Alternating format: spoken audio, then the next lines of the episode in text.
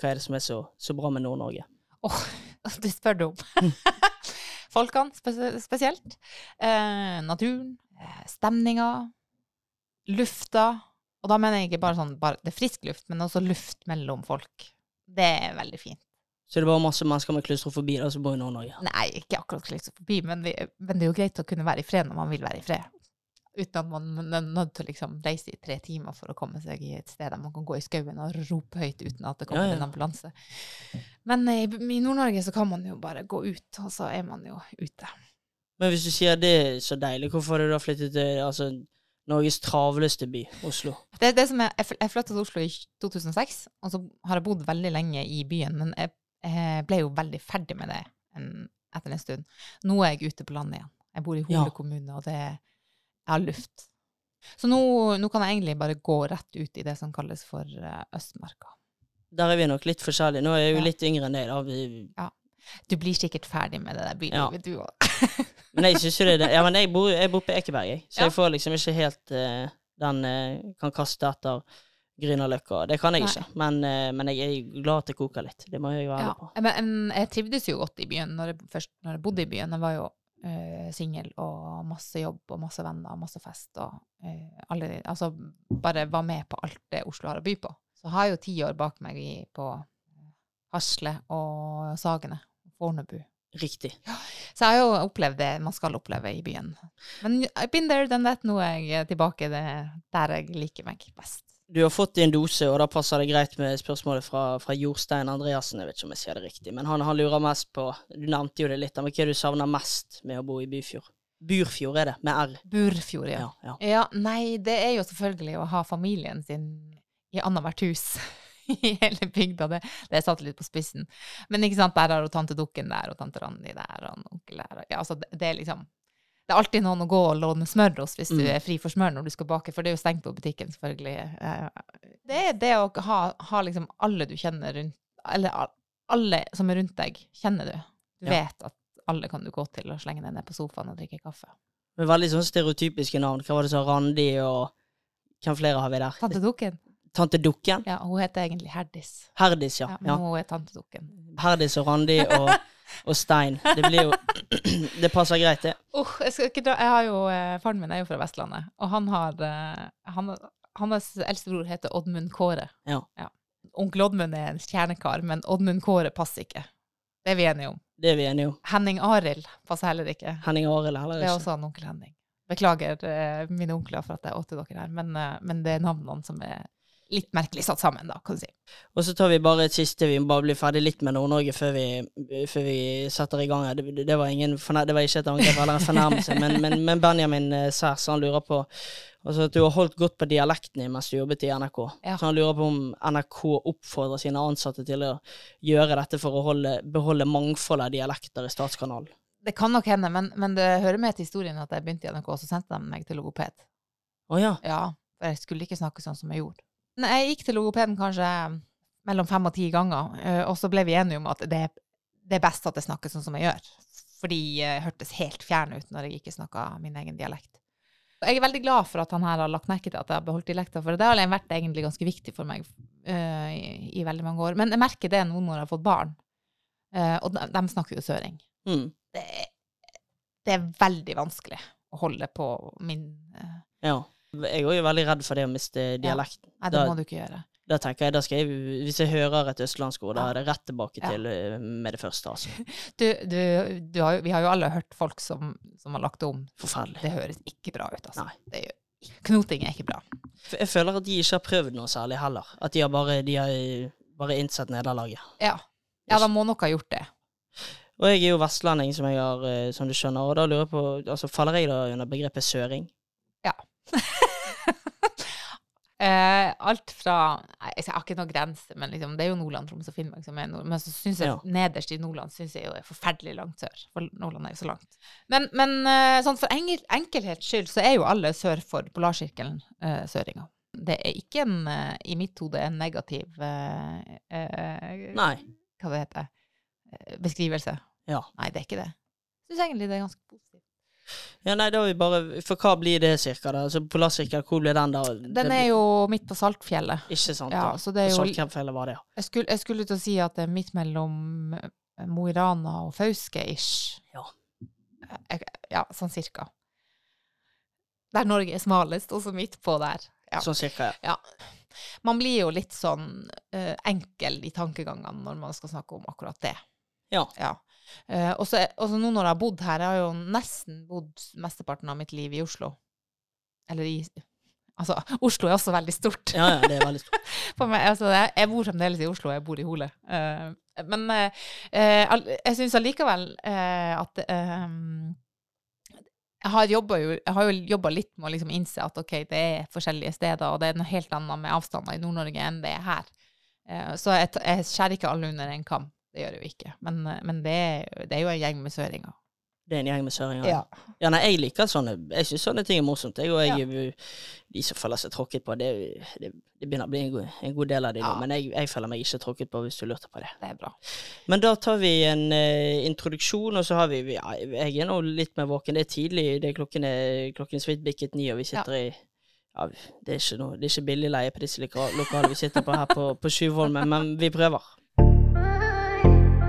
Reagerer og agerer du på sniking i kø? Og det syns jeg er herlig. Hva jeg tenker om ordet streit? Det forbinder jo det med kjedelig, normal. Var det spørsmålet? ja. Gå nå fuckings to meter til, da. Kan ikke stoppe rett etter en rulletrapp. Vi må få trommevirvel. Ja. Du er ingen streit person. Hvis du sier jeg er streit, da blir jeg forbanna. Du er streit. Lite streit. Jeg sa jo det at det skulle komme episoder rimelig radig nå eh, utover høsten. Det har de jo på ingen måte gjort, men, eh, men jeg kan ikke gjøre annet enn å beklage, så får vi, vi får bare prøve. Dagens gjest er da en, det er en ekte NRK-legende. Oi, oi, oi. Hun har ledet den ene store sportssendingen etter den andre, og i 2022 så piket karrieren hennes da hun ledet selveste Idrettsgallaen sammen med, jeg håper jeg sier navnet riktig nå, Josef Hadoy. Like etter dette så kastet hun overraskende nok inn håndkle hos Riksringkasteren, fordi hun etter 16 år med helgejobbing i sportens verden var higen på, var higen på litt helgefri. Utenom dette så ble hun i 2015 kåret til årets forbilde, samme året ble hun kåret til årets nordlending, hun har skrevet en bok om Northug, og vi har måttet utsette innspillingen av denne episoden fordi hun hadde et bryllup å møte opp i. Det er veldig egoist. Veldig egoistisk, egentlig. Jeg er enig i det. Det var hennes eget, riktignok, men likevel. Velkommen så mye til deg, Karina Olseth, nå etter du har giftet deg, Hovda. Takk, takk. takk, takk, takk. Altfor lang intro. Beklager utsettelsen. Nei, det, går, det var egentlig bare det var humor, humor eller humorinnslag, det. At det var egoistisk å gifte seg. Det er jo egentlig det. Men uh, det er den ene egoistiske avgjørelsen jeg syns man må få lov til å ta. Ja. Ja.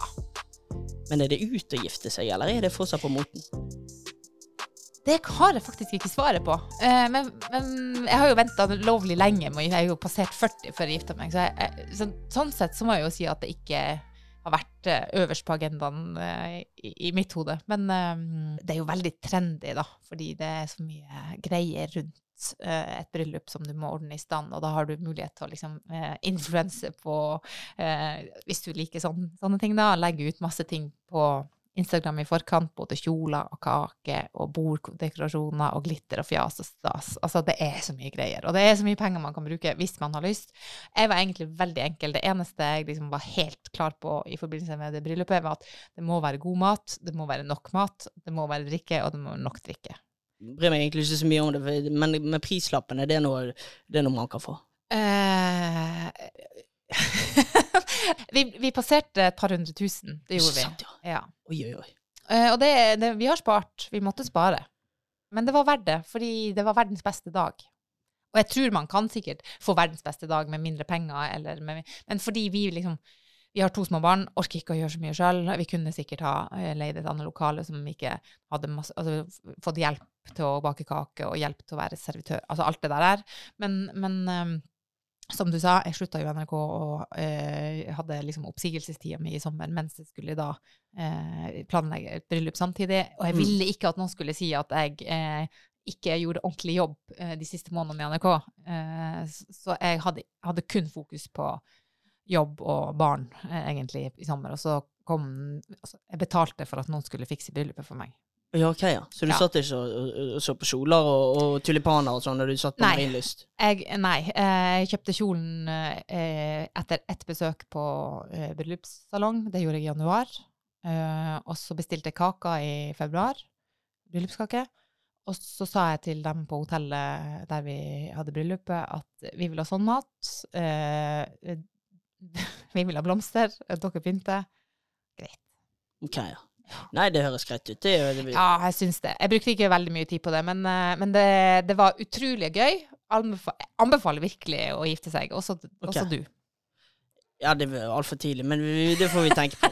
Jeg, jeg syns jo kanskje det er litt sånn Konservativt konservativt dette med mamma men festen, den, den, Festen den, er kan jeg den Ta kan jeg- festen. Kom igjen. Ja, vi, vi får se. Ja. Men som alle podkastverter gjør, så må jeg spørre om var det introen, var det, var det, ting, var det ting som ikke stemte, var det, var det noe feil? Nei, jeg syns det var veldig interessant å høre på. Eh, så tenkte jeg, kommer, kommer du til å spørre meg om jeg er streit nå? Eh, og, så, og så tenkte jeg, her må jeg svare at jeg ikke er streit, men jeg er sikkert helt sinnssykt streit. Ja, nei, det er jo Jeg bruker jo hele Det er jo derfor jeg har Jeg bruker hele praten vår til å finne ut om gjesten jeg prater med, er en Ja. streit person eller ikke. ja, så du lurer ikke på om jeg syns jeg er streit? Å nei, det er ikke så viktig. Nei, det er ikke viktig. ok. Nei, men det, det, er fint. Da skal du få lov til å analysere det. Ja da. Ja. Jeg, har, eh, jeg har litt fartserfaring nå etter hvert, og, og jeg har eh, eh, dømt ja, en del profilerte navn til streit. Ja. Gykel var streit. Christian, var streit, ja. Christian Gauseth er streit. Det, det er lenge siden jeg har intervjuet noen lite streit person. Ok. Det blir spennende.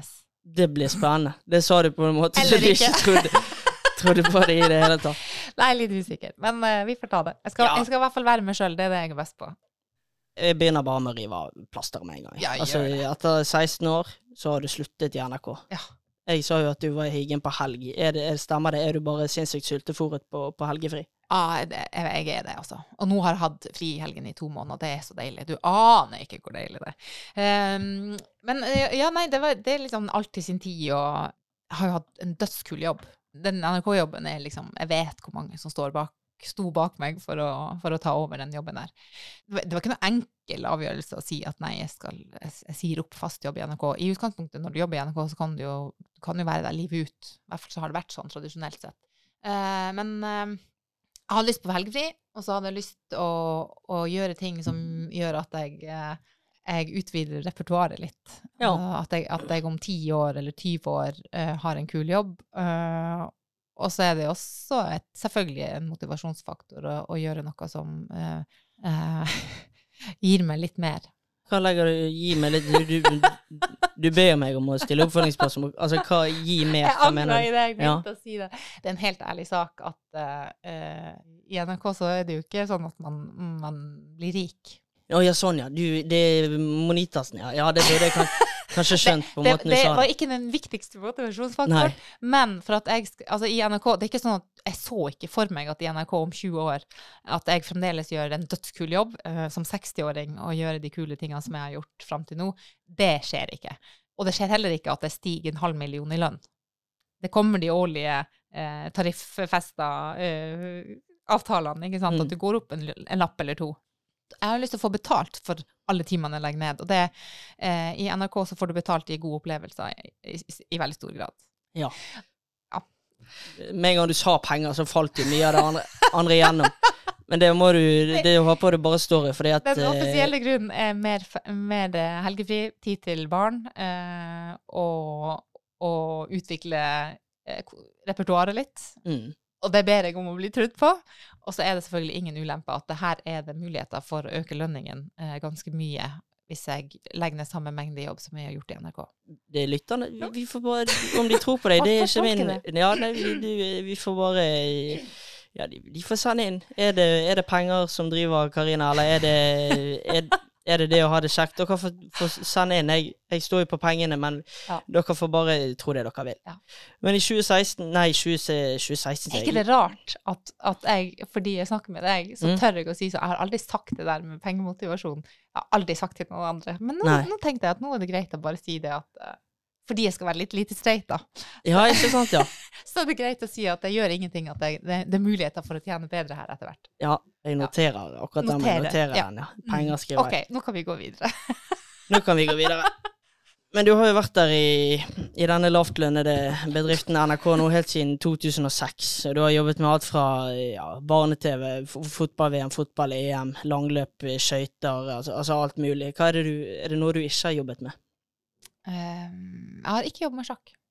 Nei. Nei, det har faktisk ikke. Altså, jeg har lest intro, eller tatt intro til alt uh, når jeg har hatt nyhetssendinger. Men jeg har aldri, aldri hatt noe journalistisk ansvar uh, med tanke på sjakk. Riktig. Hadde jeg tenkt å si noe veldig dumt, men det, jeg føler man må være en ordentlig raring for å jobbe med Altså, det er et kriterium. Det kan du si. Det kan jeg si. Nei, jeg Det, tør det i plagde det. meg ikke at jeg ikke jobber med sjakk. Nei. Nei, jeg, jeg har ikke sånn voldsom sjakkinteresse, men jeg kjøpte to brett da jeg var i Prat for mange år. Gjorde sånt, det, men ja. det- det Jeg hadde sjakk faktisk som valgfag på ungdomsskolen, så jeg spilte jo sjakk to timer hver uke i et år. Eh, eh, jeg syns brettspill er gøy på hytta. Når, når jeg går inn på, på statistikk på denne episoden, så er nok ikke Kurven kommer nok ikke til å pike på denne sjakkpraten. Jeg tror Nei. vi må være helt, helt, helt ærlige på det. Over til noe annet. Så før jeg forteller deg hva vi skal gjennom, så bare har jeg lyst på to historier. Ja. Og det er da den beste og verste dagen i NRK. Eh, Jeg, er jo en ekstremt positivt innstilt person, sånn det, jo, det er veldig naturlig for meg at jeg eh, kommer opp med masse positive ting. Eh, og det er veldig enkelt å gå tilbake til EM-finalen i sommer, eh, 31. august eh, på Wembley, som var den siste fotballkampen jeg skulle programlede. Jeg visste jo det. Mannen min var med, som liksom Han skulle se på kamp, og han var bare sånn han var, Det var liksom, Han skulle være med på siste turen, da. Um, og så hadde jeg eh, Elise Thorsnes. eh, veldig fin, uh, fin venn, venninne, og også uh, ekstremt uh, profesjonell og en ekspert med enormt potensial. Karl Erik var der. Ja, mange gode kollegaer. Alexander Skau kom, han kom litt seint, for han, han skulle rekke noe 442, tror jeg, på radioen. Masse fine folk, og det var jo en fantastisk ramme rundt kampen. Og, og så er det jo den hele, hele den raden med at jeg har jobba så mye med damefotball, jeg har to jenter sjøl.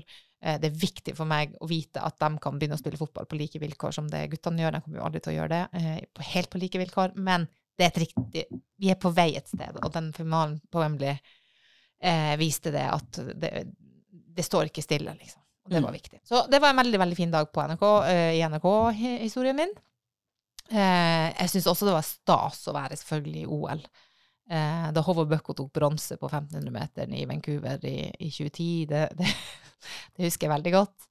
Um, og selvfølgelig de to ski-VM-ene har vært på hvor Norge bare vinner alt. Mm. Veldig gøy. Dårlige, jo, dårlige opplevelser. Du må først velge. Først må vi ha du må, du må, Den vi, ene. Vi må ha en topp av de tre. Åh. Nei, det blir den EM-finalen på Wembley, Ja. altså, for det blir jo ikke større. Den, den lyden på Wembley er som om, er akkurat samme som det var EM-finalen for herrer året før.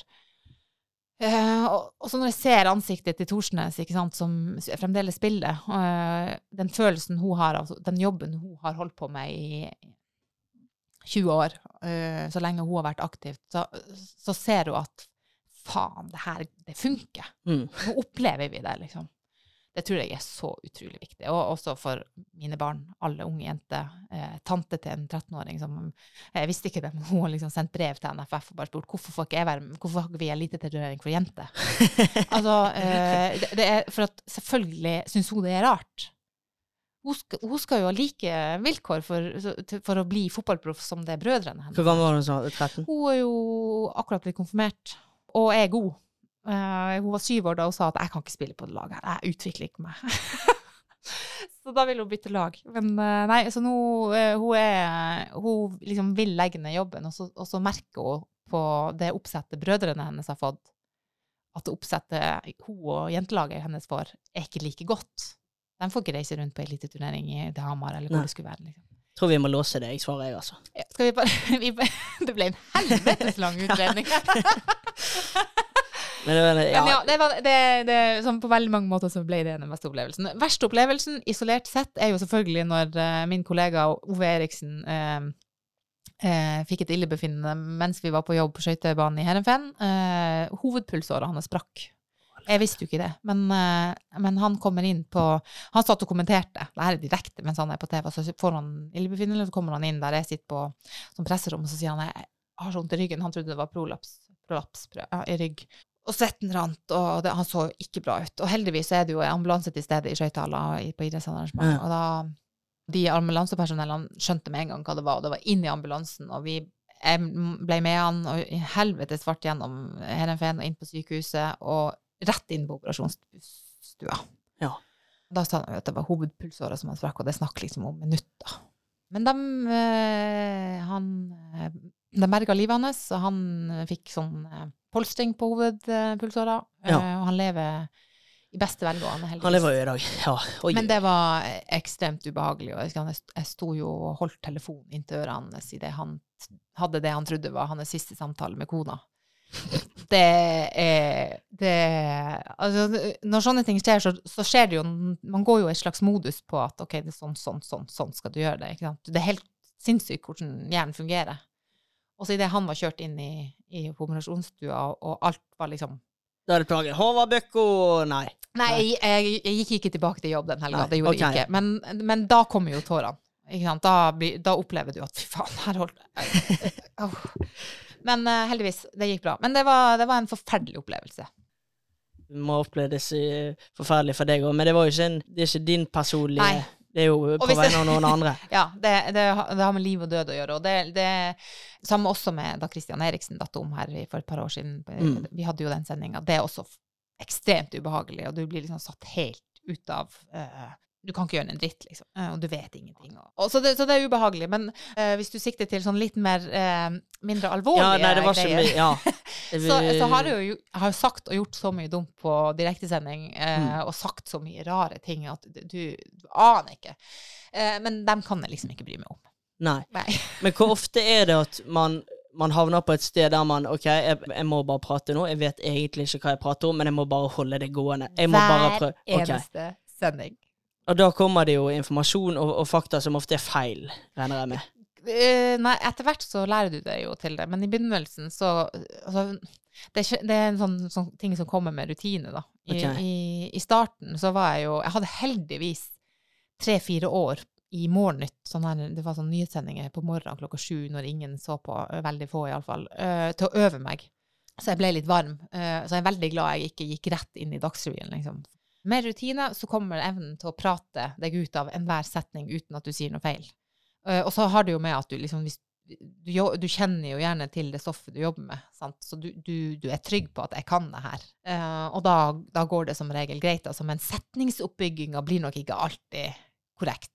Det blir en del innskutte bisetninger og en del rare adverb og subjektiv som ikke hører hjemme noen sted. Ja, så eh, eh, hvis jeg hadde gått inn på en, ny, en, en av mine sendinger og liksom bare analysert hver setning, så hadde det blitt mye rødt. Mye røde streker. Men du har jo jobbet har jobbet med altså, cupen, fotball-VM, fotball-EM. Og fotballfans de er jo ofte like belest som de som Ja, presenterer stoffet, så du må jo ha opplevd at eh, du har sagt en tabellfeil, eller, Ja, ja, eller gjort noe kollete til. Absolutt. Og fotball er jo sånn sett det verste du kan jobbe med, fordi du, du vet at du får se på pukkelen idet du sier en liten ting feil. Så og så er fotballsupportere ekstremt til å, å tillegge deg meninger. Altså, du, du, jeg kan si en ting, og så kan jeg få på Twitter med en gang at faen, du heier på Rosenborg og ikke på Bra... Altså, sånn helt Ah, ja. teit greie. Jeg hadde en, en, en, en ting som fulgte meg ganske lenge. Det var første mesterskapet jeg hadde i 2012, hvor, hvor vi har eh, EM-sending. eh, og det er den siste runden i gruppespillet. Sånn at eh, alle kamper spilles samtidig, og det er en sånn, liksom, tabellen kommer på Det avgjøres hvem som går videre. Ja.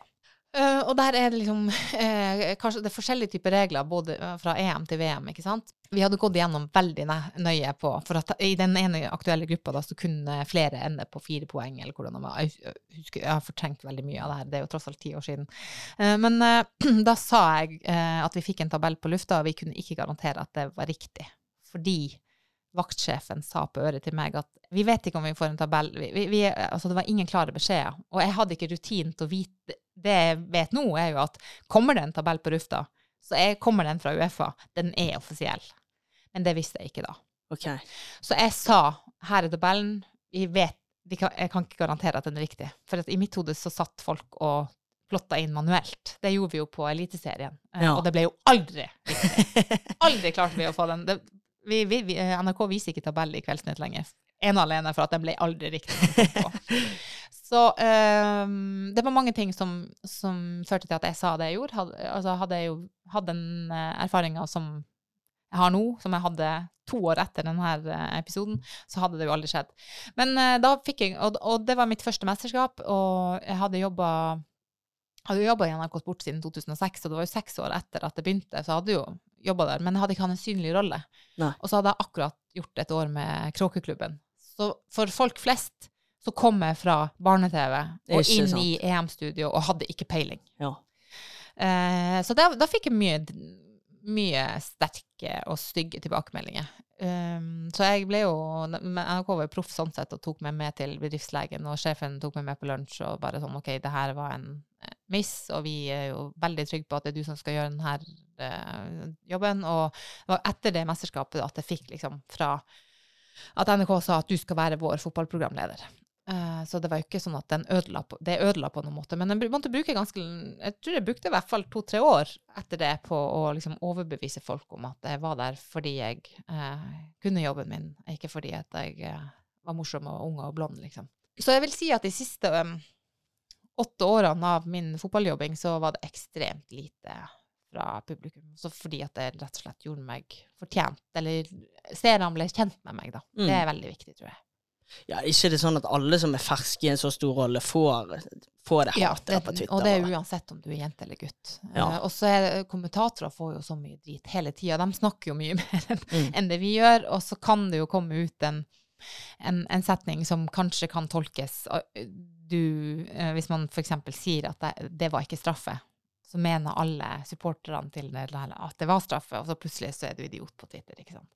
Spesielt Liverpool og de store klubbene, United, Chelsea. altså Supporterne deres har ekstremt sterke meninger og skal så lite til, to-tre millimeter, viser jeg nå med fingrene, eh, før du får masse drit da, som kommentator. Så du skal være jævla havhuda, hardhuda for å eh, tørre å jobbe med fotball, rett og slett. Ja, ja. Du skal være ganske trygg på deg sjøl. Så jeg, jeg er veldig glad for at jeg var 30 da jeg begynte med det. Jeg har jo gjort en del sosiale medier nå i Discovery og lagt ut ting da som Mm. skal engasjere. og Jeg, jeg har begynt å tenke litt sånn, vet du hva, hvis, om det er positivt eller negativt, så lenge det er en reaksjon, så er jeg Ja, fornøyd. jeg, Du vil altså. bare ha den reaksjon, ja. Jeg gir egentlig blaffen jeg om, om Ove på 50 som, som selger eh, påhengsmotorer eh, på fritiden. Ja. Om, om han er uenig, så, så Ja. tenker jeg det er like bra. Det er som om han er enig. Det tror jeg veldig mange mediehus tenker da, at engasjement er bra. De hyller det. Og så er det jo liksom engasjement eh, og personhets er jo to helt forskjellige ting. Det er jo noen kommentatorer som får mye hets, og det syns jeg er en uting. Det må, det må folk slutte med. Punktum. Hvordan går det med badkar? La meg si det slik. Rakk ølsalget med ti sekunder i sted. Ja, hvordan går det nå igjen? Nei, kjørte over katten min i stedet, så Er vi på rød eller grønn? Rød eller grønn bølge? Jeg spør egentlig bare Hva bølge surfer Karina på om dagen? Ja, den er ganske grønn. Den er grønn. Ja. Ingen utbrodering der, bare Nei. Den, den er veldig grønn. Det går dritbra. Ferdig. Strek. Jeg er nygift, har to friske barn, har en veldig spennende eh, jobb eh, som jeg eh, lærer meg å bli god i. Um, nei, det går det i veldig bra. Hæ? Du har gått opp i lønn. Eh, Jeg kan gå opp i lønn. Mm. Hvis jeg leverer som bare faen, så går jeg opp i lønn. Ja. Så det, det er planen min, da. Ok, så det er ikke så mye å utsette om dagen. Har egentlig ingenting å utsette. Og så er jeg litt sånn eh, Jeg vet ikke hvor, eh, hvor godt du liker å prate om det. Du har jo vært åpen om sykdommen din veldig mye tidligere i, i Eller veldig mye i, i media tidligere. Og jeg, jeg syns jo det er litt sånn Jeg blir jo usikker sjøl som vert når jeg skal spørre om sånne ting. Ja. Er det noe du er lei av å prate om? Nei, jeg, altså, jeg, eh, jeg skjønner jo, jeg har jo valgt sjøl den taktikken om å, om å være åpen om det. Men det jeg syns er en uting, er liksom hvis, at f.eks. når jeg skal gifte meg, så er det Mm. sånn Gifte seg, bla, bla, bla. Har tidlig vært åpen om ulcerøs kolitt og bla, bla, bla. Ikke sant. Ja, ja. Og, og, så, og så ble jo Se og Hør-tittelen ble jo Etter den tøffe tida. Ja. Alt blir etter den tøffe tida.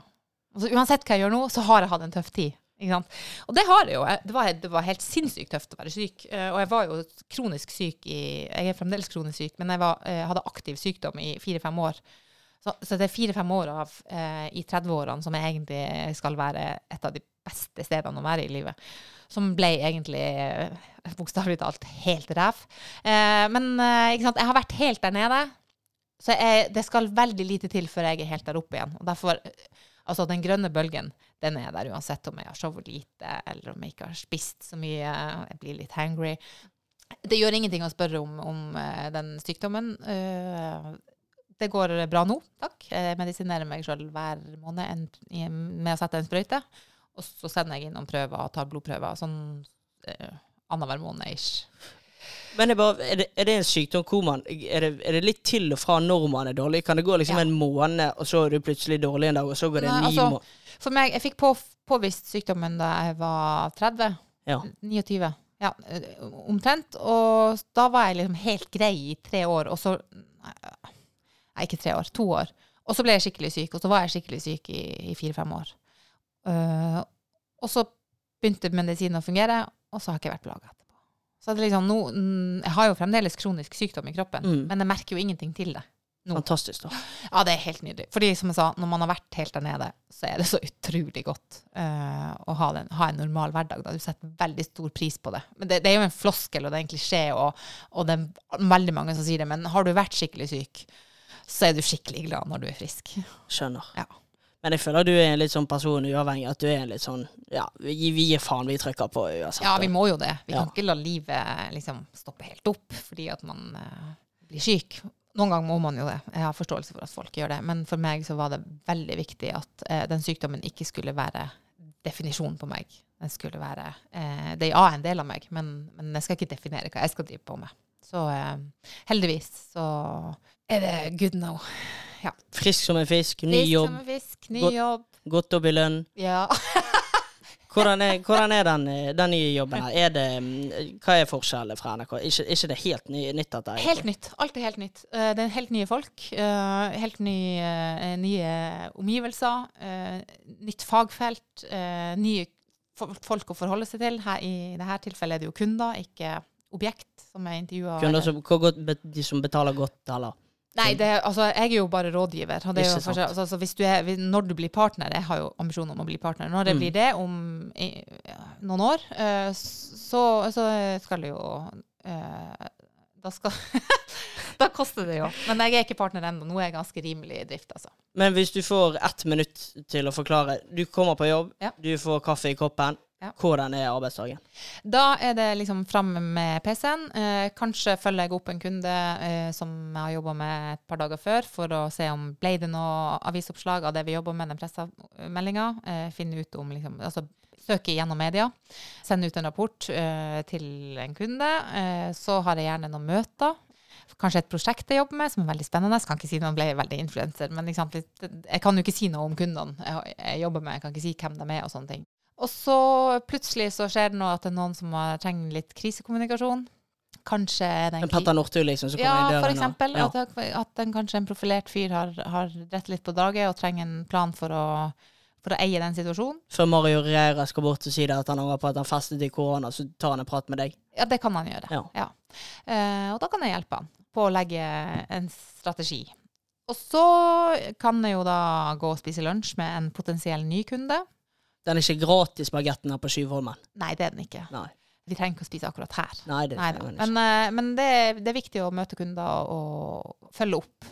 Men det jeg lurer mest på, det er jo uh, altså 16 år i NRK, altså store programlederroller. Du legger jo på mange måter litt denne kjendistilværelsen litt på hyllen. Ja. Hvordan er det? Helt greit. Altså, jeg må påpeke at sånn kjendistilværelse i Norge er ikke slitsomt. Det er, veldig, det er veldig hyggelig, og spesielt når du kommer ut i distriktene, så er det jo liksom autografskrivning og liksom litt rockestjernevariant, og jeg har blitt oppgradert til suite på hotell, ikke og litt sånne ting. Det, det, det har aldri um, Den ene gangen jeg har blitt litt sånn åh, er når folk kommenterer smågodt jeg, jeg plukker ut på fredagen på butikken. Det er litt sånn La meg få kjøpe smågodt. Men eh, det, det er veldig mange som spør om det der. Eh, hvordan skal du klare deg uten kjendistilværelsen? Og jeg, jeg tror ikke jeg kommer til å savne det noe særlig. Og så, og så har det jo vist seg at eh, folk spør jo om intervjuer og podkaster, selv om Ja, de har slutta. Så eh, det er jo ikke helt dødt, det er det jo ikke. Men det, det, er jo ikke, det er jo ikke noe jeg kommer til å jobbe aktivt for å opprettholde, at jeg skal liksom ha et varmt navn. Men tenker du, eh, kunne du om ti år f.eks. tatt en ny TV-jobb, tror du? Ja, det kunne jeg. Altså, jeg utelukker jo ingenting. Uh, eh, akkurat nå når jeg har små barn og, og vil være mest sammen med dem, så er det helt naturlig for meg å, å prioritere det.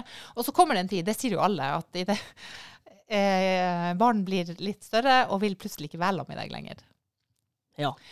Eh, og da er jo alle muligheter åpne igjen for å kunne jobbe i helgen og sånn. Men jeg har jo ingen, ingen strategi eller plan om. Jeg skal jo bli filthy rich om 10-20 år. Jeg skal, vi, har, kartlagt det at det, det peng, der pengene er. Det var egentlig feil spørsmål. Jeg bare spurte Ja, vil, ja, du kommer til å gå etter lønningen, du, herfra og ut.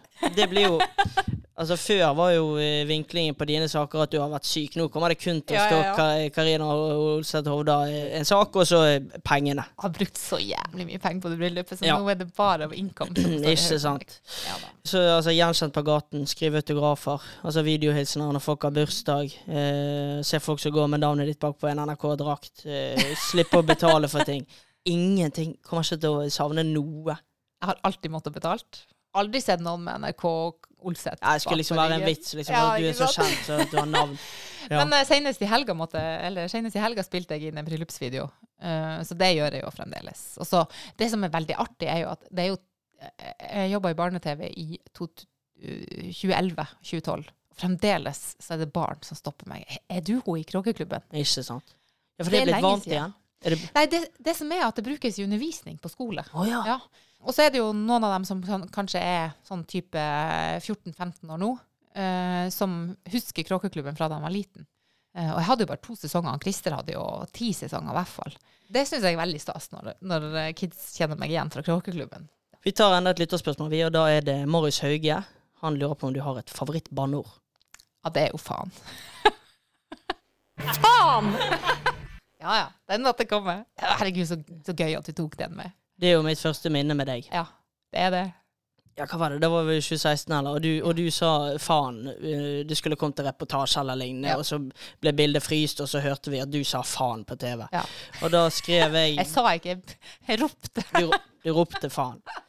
Og da eh, sendte jeg en snap, selvfølgelig. Mot, dette måtte jeg håne og fortalte mine venner, så da skrev jeg eh, et eller annet sånn eh, pinlig her, eh, banna programlederen på direkten. Og så tror jeg det var i tiden hvor det var en hashtag, òg, så da ble det Når du sa det, så var det Faen! Nå kom jeg bort igjen. Det beklager jeg. Faen! Det er nå av siste. Og faen! Men hva eh, Du fikk jo Det var jo mye greier på, Var ikke på TV. på, på NRK og NRK. Ja, beste sendetid og alt mulig. Jeg visste ikke at det hadde kommet ut. For det skal jo sies her, det er jo en lydtekniker som skal Ah, ja. dra ned den spaken. Den ble ikke dratt ned. Det som skjer, jeg har jo jeg har ikke telefonen min der, sånn at det her vet jeg jo ikke før vi langt ut i andre omgang. Hvor da sjefen min kommer på øret og bare sånn Du, det uh, koker litt her. Vi, vi glapp visst på litt lyd. Uh, så hvis du sjekker telefonen din Sjekker telefonen, så bare 100 meldinger og ubesvarte anrop. Og så er det selvfølgelig VG som lurer på eh, hva har du å si til at det bla, bla, bla. Eh, kommer du til å lede sendingen fra Altså, det var sånn helt sinnssyke spørsmål. Jeg bare, hva, hva er det her for noe? Og så så jo sjefen min, da, jeg hadde min, min medarbeider ansvarlig, da, så, som bare sa at det her er null stress, eh, bare, eh, bare fullfør setninga og liksom ikke tenk på det. Eh, og så eh, har jeg, hadde en kollega som heter Harald Tingnes. Han er verdens artigste mann. Han er så morsom. Han ser, han er, han, han ser noe morsomt i alt som skjer rundt han, liksom. Så han send, sender en melding til meg, og så sier så, bare sånn gammel liksom innspill. Eh, bare sånn eh, Jeg husker ikke nøyaktig hva han, hva han skrev, men eh, han, sendte inn, altså han sendte en melding til meg som bare eh, var en, en slags sånn vits. Og så tenkte den tar jeg. I sendingen, ja. Ja, han, eh, så på slutten, helt på slutten, når jeg sa takk for meg, så sa jeg at vi er tilbake i morgen. Ja, det kan du banne på. Og da fikk jeg en ny eh, bølge med meldinger på at det var veldig gøy at jeg sa det. Eh, og så var det noen som syntes at, det var liksom, at jeg hadde det moro eh, med at jeg hadde eh, drettet meg så på, Ingenting på som er draget. Liksom. Du kan ikke kødde med det. Eh, men i ettertid da, så sa jo kringkastingssjefen til meg at du er vel den eneste som har brølt faen på TV og kommet heldig ut av det. Ja, det Eh, og det kan vi vel kanskje si at det gjorde. ja, ja. siste gang. Faen! Vi går til eh, spalten Let us get to know you, vi. ja, en type. Drikker kanskje litt mer. Du rører ikke sengen om morgenen. Lystløgner. Jeg ber menneske. Og menneske. Håret er jo alltid jo flink. Det er karakter. Let us get to know you. Nå legger jeg på noe musikk, og så presenterer jeg eh, en rekke påstander, og så Ja. kan du Hvis du kommer på noe feil av det jeg presenterer, Ja. så får du bare notere strek, og så går vi litt igjennom dette i etterkant. da. Okay, okay, okay. Da kommer det noe musikk, og så Karina Olseth Hovda er en utålmodig og rastløs sjel. Hun liker at dagene går i ett, og at timeplanen på jobb er smekkfull. Men når hun først har fri, så drar hun gjerne ut av byen, og hun legger helst PC-en igjen hjemme. Det verste Karina vet, det er søringer som tror at alle nordlendinger eier reinsdyr, og det beste hun vet, er å se Tromsø IL slå et søringlag som f.eks. Vålerenga. Karina elsker en fest, men hun liker bedre å bli invitert kontra å invitere. Hun prater gjerne med nye mennesker i en sosial setting, men dersom de nye hun møter er ufattelig vanskelig å prate med, kanskje de er kjedelige, så later hun som hun har en telefon. Hun tar telefonen, går inn igjen i rommet, setter seg med noen nye. Karina er svært gammel av seg, og hun er kjent innad i familien for å kjøpe de dyreste gavene. Dette har hun kjent på bankkontoen da hun, da hun er blitt glad i å skjemme bort sine barn i litt for mye keksete Holmenkoll Lexington-klær. Utenom dette så er hun en dårlig taper som elsker idrett mer enn alt på jord, og samtidig tror hun at hun var litt bedre i idrett enn hva hun egentlig var. Hvor du har henta det her fra? Dette skrev jeg på to halvlitere skaus i går kveld. Ja. For det, for det her er ditt inntrykk av meg. Dette er mitt inntrykk av det. Ja, men så, så gøy, da. Ja? Ja. Du kom veldig godt i gang. Ja. Ja. OK. Helt til du sa at jeg, at jeg, at jeg ikke liker søringer. Nei, hva var det jeg sa? Jeg sa at uh, det verste Karina vet, er søringer som tror at alle nordlendinger eier Det reinsdyr. syns jeg bare er gøy. Ja. Ja, det, for det er gøy å ta dem på det. ja. Ja. Og så det det der med å uh, late som Jeg later aldri som noe. Nei. Nei, OK. nei så jeg, jeg har aldri faka en telefonsamtale. ok. Nei. Og ungene mine har på ingen måte keksige klær. Vi, vi har arva så mye klær. Ja. Fordi jeg var ganske seint ute med å få barn i vennegjengen. Så har- altså, det ble båret inn pose på pose med klær. Det er jo deilig, da.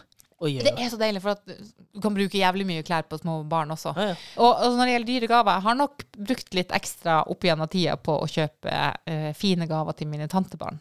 Fordi at jeg skal være favorittanta. Du skal være Det har vært prestisje for meg å være det. Ja. Og så er jeg veldig glad når Troms, eh, Troms IL slår Søringlag. Eh, enda gladere når han slår Bodø-Glimt. Ja. Ja, fordi at jeg er jo nordnorsk fotballpatriot, så jeg, jeg, jeg unner jo Bodø-Glimt suksess. Men eh, selvfølgelig heier jeg på TIL når de møtes. Mm. Ja, uansett. Um, så ja, eh, der traff Jeg liker det, men det er jo ikke det beste jeg vet. Nei. sånn. Nei. Men eh, jeg, jeg syns du kanskje var på opp mot 80 Å, der. såpass. Ja. Det tror jeg, er- 75-80. det tror jeg er beste notering. Bra jobba! Vi skal ta ett lytterspørsmål før vi tar gjesten rater seg selv, og da skal vi ha min tidligere kamerat fra Nei, vi har mistet kontakten ganske greit, men men Markus han har et spørsmål, Ja. og han lurer da på Han lurer på om Altså, du har jobbet med idrett i hvor mange år er det? 16 år? Nei, jeg- ikke jobba fullt jo 16, før- jo, men jeg jobba Jo. jo med idrett før jeg kom til NRK også. Så jeg har jo jobba i 21 år. 21 år med idrett, ja. Mhm. Han lurer på om du har vært på fest eller nachspiel eller med noen store personligheter noen gang. Om det har forekommet. Det Har du sittet på nachspiel med Northug, liksom? Northug har aldri vært på fest med. Nei. Eh, men eh, mange andre. Altså, jeg, eh, jeg har jo jeg har fått jobba med veldig mange tidligere OL-vinnere. Eh, Aukland er ikke OL-vinner, men eh, Ådne Sønderål eh, har jo vunnet OL-gull. Og eh, Even Vetten har vunnet VM-gull. Altså de, de, alle de skøyteløperne har eh, Geir Karlstad. um, og så eh, Ja, nei, så har jeg vært, jeg har vært mer på fest med, med folk som har lagt opp. Ja, Det som har jeg. jobbet i Ja. Ja, som har enten jobba for oss eller for andre. Um, og så har jeg jo Foreldresfristen har vel gått Jeg jeg jeg har vært på nachspiel i OL-landsbyen. I OL For det Ja, er det Det er jo, du må jo ha akkred... Det det Å, ja. det er jo helt umulig å komme inn i en OL-landsby eh, der utøverne bor. Men det klarte jeg på et eller annet vis. Så jeg var på nachspiel eh, i en OL-landsby. Er det første gangen du forteller det her? Ny artikkel. Ja. Karina Olseth på nachspiel. Jeg kan ikke være den første som har vært det. Men det var jo Nei, er du gal? Altså, det var jo, OL var jo det var etter avslutningsseremonien. Sånn at OL var på en måte avblåst. Det var kanskje, kanskje derfor jeg slapp inn der. Eh, men alle var jo på fest. Var, det var gøy. Eh, det, når det kommer til idrettsutøvere, så føler jeg det at det er når du ser de i de settingene, så finner du ut For jeg føler man kan ikke betegne de som rare eller ikke gjennom, eh, gjennom TV-rutene sånn, for Nei. du får et for smalt inntrykk av dem. Men når du først ser dem på fest, da tenker jeg nå kan vi stemple deg. Er du en ordentlig raring, som jeg mistenker at du er, eller Ja. er du ikke en raring?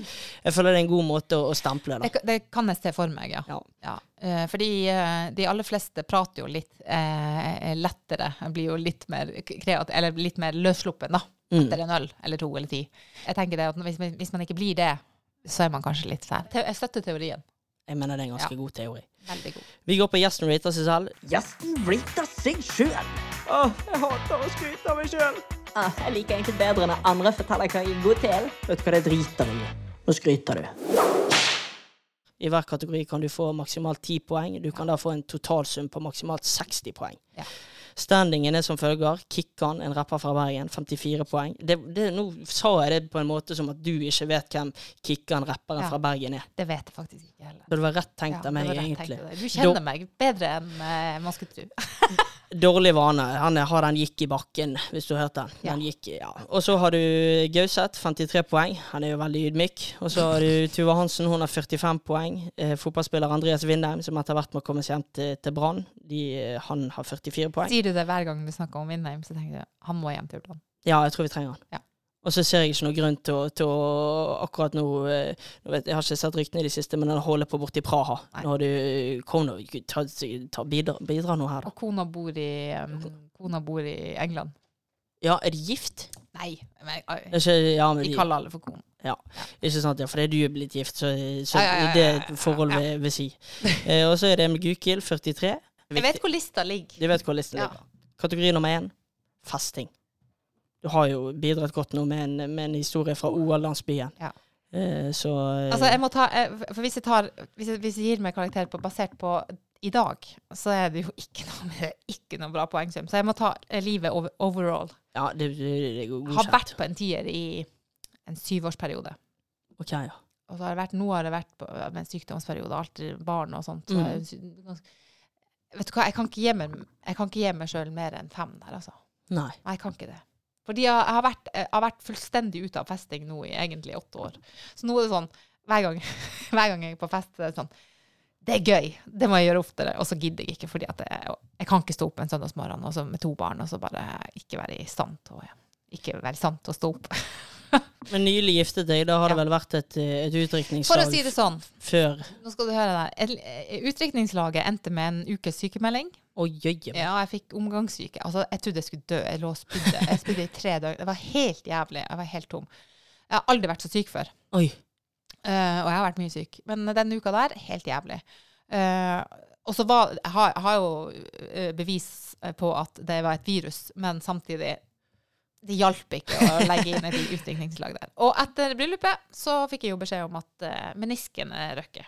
Nei, jøye. Ja. eh, så, så jeg gjør det ordentlig når jeg først gjør det. Ja, det er jo ja. greie skussmål her, da. Ja. Så, Så, eh, og det er de to festene jeg har vært på i år. Ja, og så skal jeg på en nå på fredagspilsen. ikke sant, Ja. ja. Men da er jeg jo litt på jobb, så vi får se om det blir heavy. Men, eh, men når jeg først fester, så kan jeg feste. Men jeg gjør det så sjelden, så det blir en femmer. Ny påstand. Altså dette med, med fredagspils og sånn på jobben. Med mindre eh, Ja, det kommer an på det. Altså, er det julebord, sånn, det- så er det jo full halloi. Da ser jo det ting du, man aldri vil se. Men hvis det er en sånn fredagspils, da, så føler jeg enten så er man på Det er en fredagspils hvor man tar to øl sammen med kollegaer, og så vet du hva, dette var utrolig trivelig. Og så er det hjem. Eller hvis man da deles opp i mindre grupperinger, hvor man er med de man liker best på jobben, så skeier det ut. Ja. Enig? Uenig? Veldig god teori. Nå, har- jeg har jo aldri vært på uh, fredagspils med denne jobben før. Så jeg er veldig spent på hvordan det der blir. Altså, lista er lagt så skyhøyt uh, på hvor gøy det blir. Så Og eh, de har meldt at dette blir altså, dritfett. Bjarne Brøndbo kommer for å spille. Bjarne Brøndbo kommer, ja. Ja. Den, eh, det blir likere nå, liksom. Ikke sant. Så jeg tror det blir gøy. Ja, okay. på det. Bil, Neste. bilkjøring. Der er en klar tier. Ja. Det er mange som sier det. Nei, men det er ikke tvil heller. Jeg har kjørt så mye bil. Kunne jeg, jeg spør alltid det, jeg kommer ikke på noe nytt, men kunne jeg spist softis Ja. eh, Greia, eh, I NRK, vet du, så når jeg jobba som reporter, jeg gjorde jo det i veldig mange år, så har du jo med deg en fotograf. mm. Uansett hvor du er, så har du med en fotograf. Og, og eh, de ble jo liksom på humor kalt sjåfører, fordi de, de, det var jo alltid dem som hadde bil. Ja, ja. Men hver gang jeg var på tur, så var det jeg som kjørte. Oh, ja.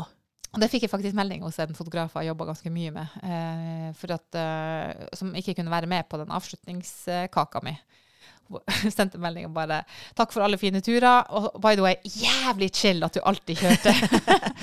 for det var liksom eh, de, Da kunne de slappe litt av, da, fotografene også. Unne dem det. Men jeg er, jeg er glad i å kjøre bil, og har kjørt masse bil eh, siden jeg kjørte opp på 18-årsdagen min. Og den første turen jeg hadde, var eh, kolonnekjøring over Kvænangsfjellet, så jeg har blitt litt herda, da, kan du si. Tre flørting. Ikke det er veldig rart. Ikke, ikke, ikke prøv å bevise noe her. Nei, Bare nei, nei. Nei, hvis jeg skrur på, så, så kan jeg jo være oppe på en nier, altså. Okay, ja. Men da må jeg skru på. Men hva teknikker benytter du da? Godt humør. Oh, ja, OK. Folk, folk blir så glad av glade folk. Og så er det liksom Teknikken er jo å være mer interessert i personen du snakker med, enn deg sjøl. Så lenge du stiller spørsmål, er blid og oppriktig interessert, så scorer du høyt, altså. Nå prater jeg som at du er en gammel gnu og at du ikke flørter lenger, men nå er, jo, nå er jo teknikken litt det at man skal liksom være litt sånn eh, eh, tilbakelent og ikke være for påtrengende. Du er ikke Du- redd for å være det, da? Eh, da jeg var på flørtemarkedet, Ja. så var det en bok The Game heter den. The game, ja. Ja. Og det var sånn du skulle være uinteressert. ikke sant? Det var sånn teknikk for Altså, det er det dummeste jeg har vært borti noensinne. Og så sånn, du skal ikke være snill. Hva er det for slags piss, hvis du har møtt, du har møtt noen du liker? Og så bare sånn, nei, du skal ikke du skal i hvert fall ikke sende blomster, du skal i hvert fall ikke liksom gi, til, spandere middag eller noe sånt, fordi at du skal gjøre deg interessant. Piss! Hvis du er, viser deg som et godt menneske, en god person som det er behagelig og gøy å være sammen med, så vinner du så uendelig mye mer enn det der pisset med the game. Ble, altså, det vil alltid være sånne teknikker og oppskrift på hvordan man skal lykkes. ja, ja. Det finnes ikke. Folk er så forskjellige. Hvis du møter en person, så kan det hende han liker, eller hun liker, at du skal være uoppnåelig eller hard to get eller et eller annet. Men det er ikke sikkert at den taktikken funker på det neste mennesket. Så behandle mennesker genuint eh, enkeltstående, ikke som alle under en kam. Jeg har en eh, venn som eh, ja, Jeg trenger ikke nevne navn, men han er vel arvtaker til en, en, ve- veldig stor gård. Ja. Eh, Det er det jeg kan fortelle deg. Og han har en, han har en teknikk der han eh, Han er i starten med de ganske frekk, Ja. og så er han litt mindre frekk. Litt mindre, mindre frekk. Så er han litt mindre, mindre frekk der igjen. Ja. Og så begynner han å bygge opp. Så han bryter ned, bygger opp. Er han singel. Ja, han er singel. Ja. Men, My point. Exactly. men eh, nå vet jeg ikke om han Det ble veldig mye synsing på vegne av han, men jeg vet ikke om han har lyst til å være et forhold. Men det er ikke poenget. Men poenget er det at han får det ofte til, da. Ja. Med den teknikken. Ja, han får til å ligge. Ja, hvis du Ja. skal si det veldig banalt. Det er jo også, det er også en, en, eh, en forskjell på om du flørter for å ligge, eller om du flørter fordi du har lyst å bli bedre kjent med et menneske og ha dem med deg videre i livet. Ja. Det er to helt vidt forskjellige ting. mm, Hylle begge deler, så lenge man er ærlig med seg sjøl. Veldig mye synsing på vegne av han. Vi ses Ja. til helgen. Det blir kjekt å treffe deg. Fire husarbeid. Ti. Å ja, OK. Ja, ja, ja. Ja. Men det må man være med to små barn og, og en mann og full jobb. Jeg har to små barn. Men hvordan får, jeg ser ikke at du skal få tid til å være det. Nei, um, sånn som i går, da, så var jeg hjemme med sykt barn.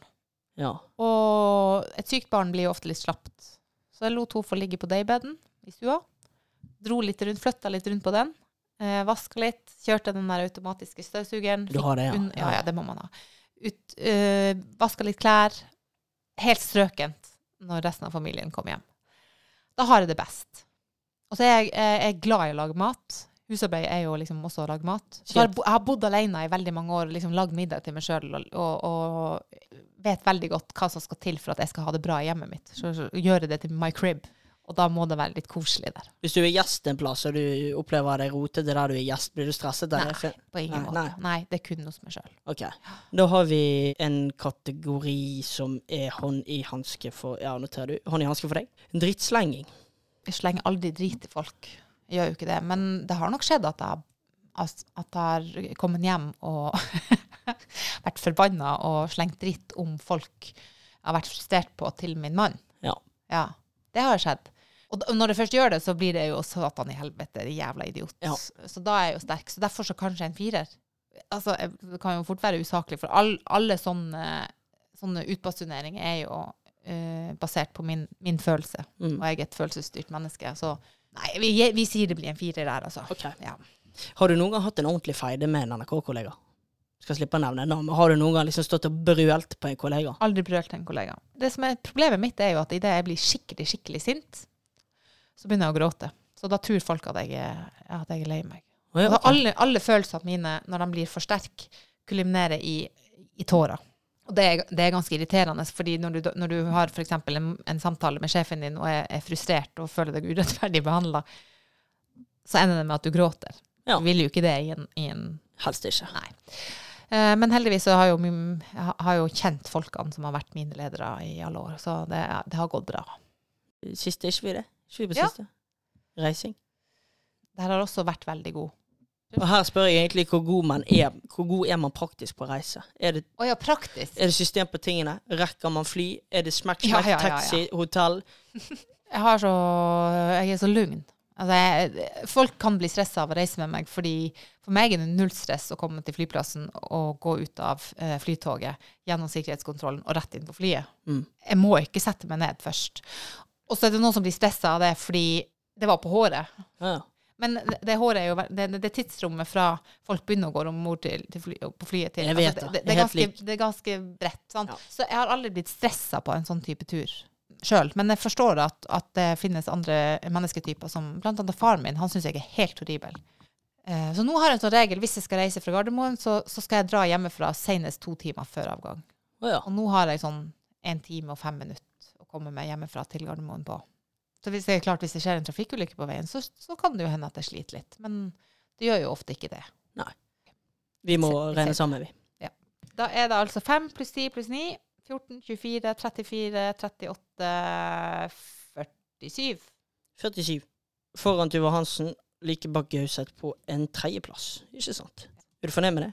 Ja, det må jeg være. Pallen får være greit. Vi ringer CP, vi.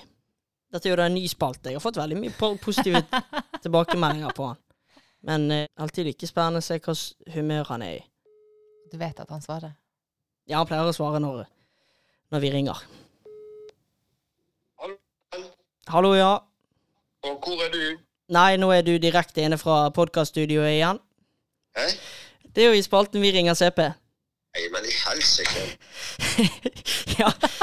Men jo, det er jo blitt en fast greie, dette her nå. Det var jo så gøy når vi ringte, du fortalte hva du syns om Emil. Så nå spør jeg jo hva du syns om Karina Olseth. Hun nordlendingen, vet du. NRK-Trine. Litt irriterende dialekt og kanskje litt opp høyt i toneleie til tider. Men hva syns du om henne? Er det ikke det hun som er sammen med han som tidligere spilte for Hønefoss? Jo, det er riktig. Ja, for han husker jeg spiller. Han var ganske god, egentlig. Ja. Ja. Nei, men hun skal jo slutte i NRK. ja, hun har sluttet. Vi sitter i de nye lokalet til den nye jobben nå. Lokalet altså bjeffer noe voldsomt der på Skyvolmen. Leieprisen er ikke billig. Ja. Nei, hva jeg syns om henne Nei, Hun hører deg. Gjør hun det nå? Ja. Men du må være ærlig likevel. Det, det er jo derfor vi har denne spalten. Ja, men du må ikke bare ringe om sånne personer som jeg liker. Nei, OK. Nei, jeg syns hun er en av de aller Eller var, jeg tror jeg må bare si det sånn, hun var en av de aller beste reporterne i NRK. Nei, Så, men det er ikke tull engang. Det tror jeg veldig mange synes. Så når jeg så det at hun skulle slutte, så eh, tenkte jeg at det må være et klart tap for NRK. Og det er jo bare én ting som kan ha avgjort det valget hennes. Det må være mer lønn. Ja, men det har det, har vi, det har vi kommet frem til òg, at hun er blitt grisk etter penger etter hvert. Nei, Jeg tror ikke jeg vil bruke det uttrykket, men eh, nei, det, Jeg jeg er det. stort, det, må, det må være et stort tap for NRK. For hun er svært flink. Så eh, hun satte, Eller har jeg satt veldig pris på når hun har kommet på skjermen. Og hun egner jo seg på skjermen òg. Det er jo en annen ting. Så det er jo veldig bra. Men vi er enige om at hvis jeg ringer og jeg, vi pra, jeg prater med en gjest du ikke liker, så er vi ærlige på det. Det skal jeg være veldig ærlig på. Men eh, det må jo være med de forsiktige formuleringene da, som har et islett av litt humor og, og litt spisset. Det er, jo sånn, det er jo sånn du ønsker det, ikke det der, da? Jo, det er treffende. Det er treffende. Ja. Nei, men ha en strålende dag begge to. Og lykke til, Karina, hvis du hører meg. Takk, takk. Tusen takk for fine ord. Ja. Kos dere, så ses vi alle. Du kommer vel her til i dag, du? Ja, gjør det. Gjør det. Ja. Vi gleder oss til deg her hjemme i Bergen. Hei. Hei. Hei. Det var, det var usedvanlig hyggelig. Ja, og han pleier å være ærlig, så det er derfor jeg syns Ja. det er interessant å ringe han. Og det, er- det var fine ord. Var, jeg ble nesten litt rørt. Men tror du han hadde sagt like fine ord i 2012 når du var fersk? Nei. Hun der Ja. kommer rett fra Brane-TV. Jeg veldig dårlig på dialekt. Ja, nei, det var helt Nei, Jeg skal snakke en dialekt jeg behersker sjøl. Men det var, eh, det var ok, det. Ja. Eh, og da har vi bare en siste lytterlurer før jeg skal konkludere, og det er da Ja. Fredrik Øvreide. Den her syns jeg er litt sånn finurlig kommet på. Lurer på om du vil på Grankatur med Iversen og Northug, eller fugletitting i Lofoten med Ola Lunde og Jan Post. Granka med Northug og Iversen. Ja, men det blir jo soleklart. Granka med Northug og Iversen. Så ikke noe fugletitting. Jeg, jeg syns fugler er litt ekle. Ja. Ja, jeg synes, altså, det, det er så mye drit og bæsjing og, og ovenfra og Ja, ja, ned-holdning. ja. Nei, og så eh, jeg, har jo jobba både med Petter og Emil i, i, i mange år. Jeg syns de er morsomme.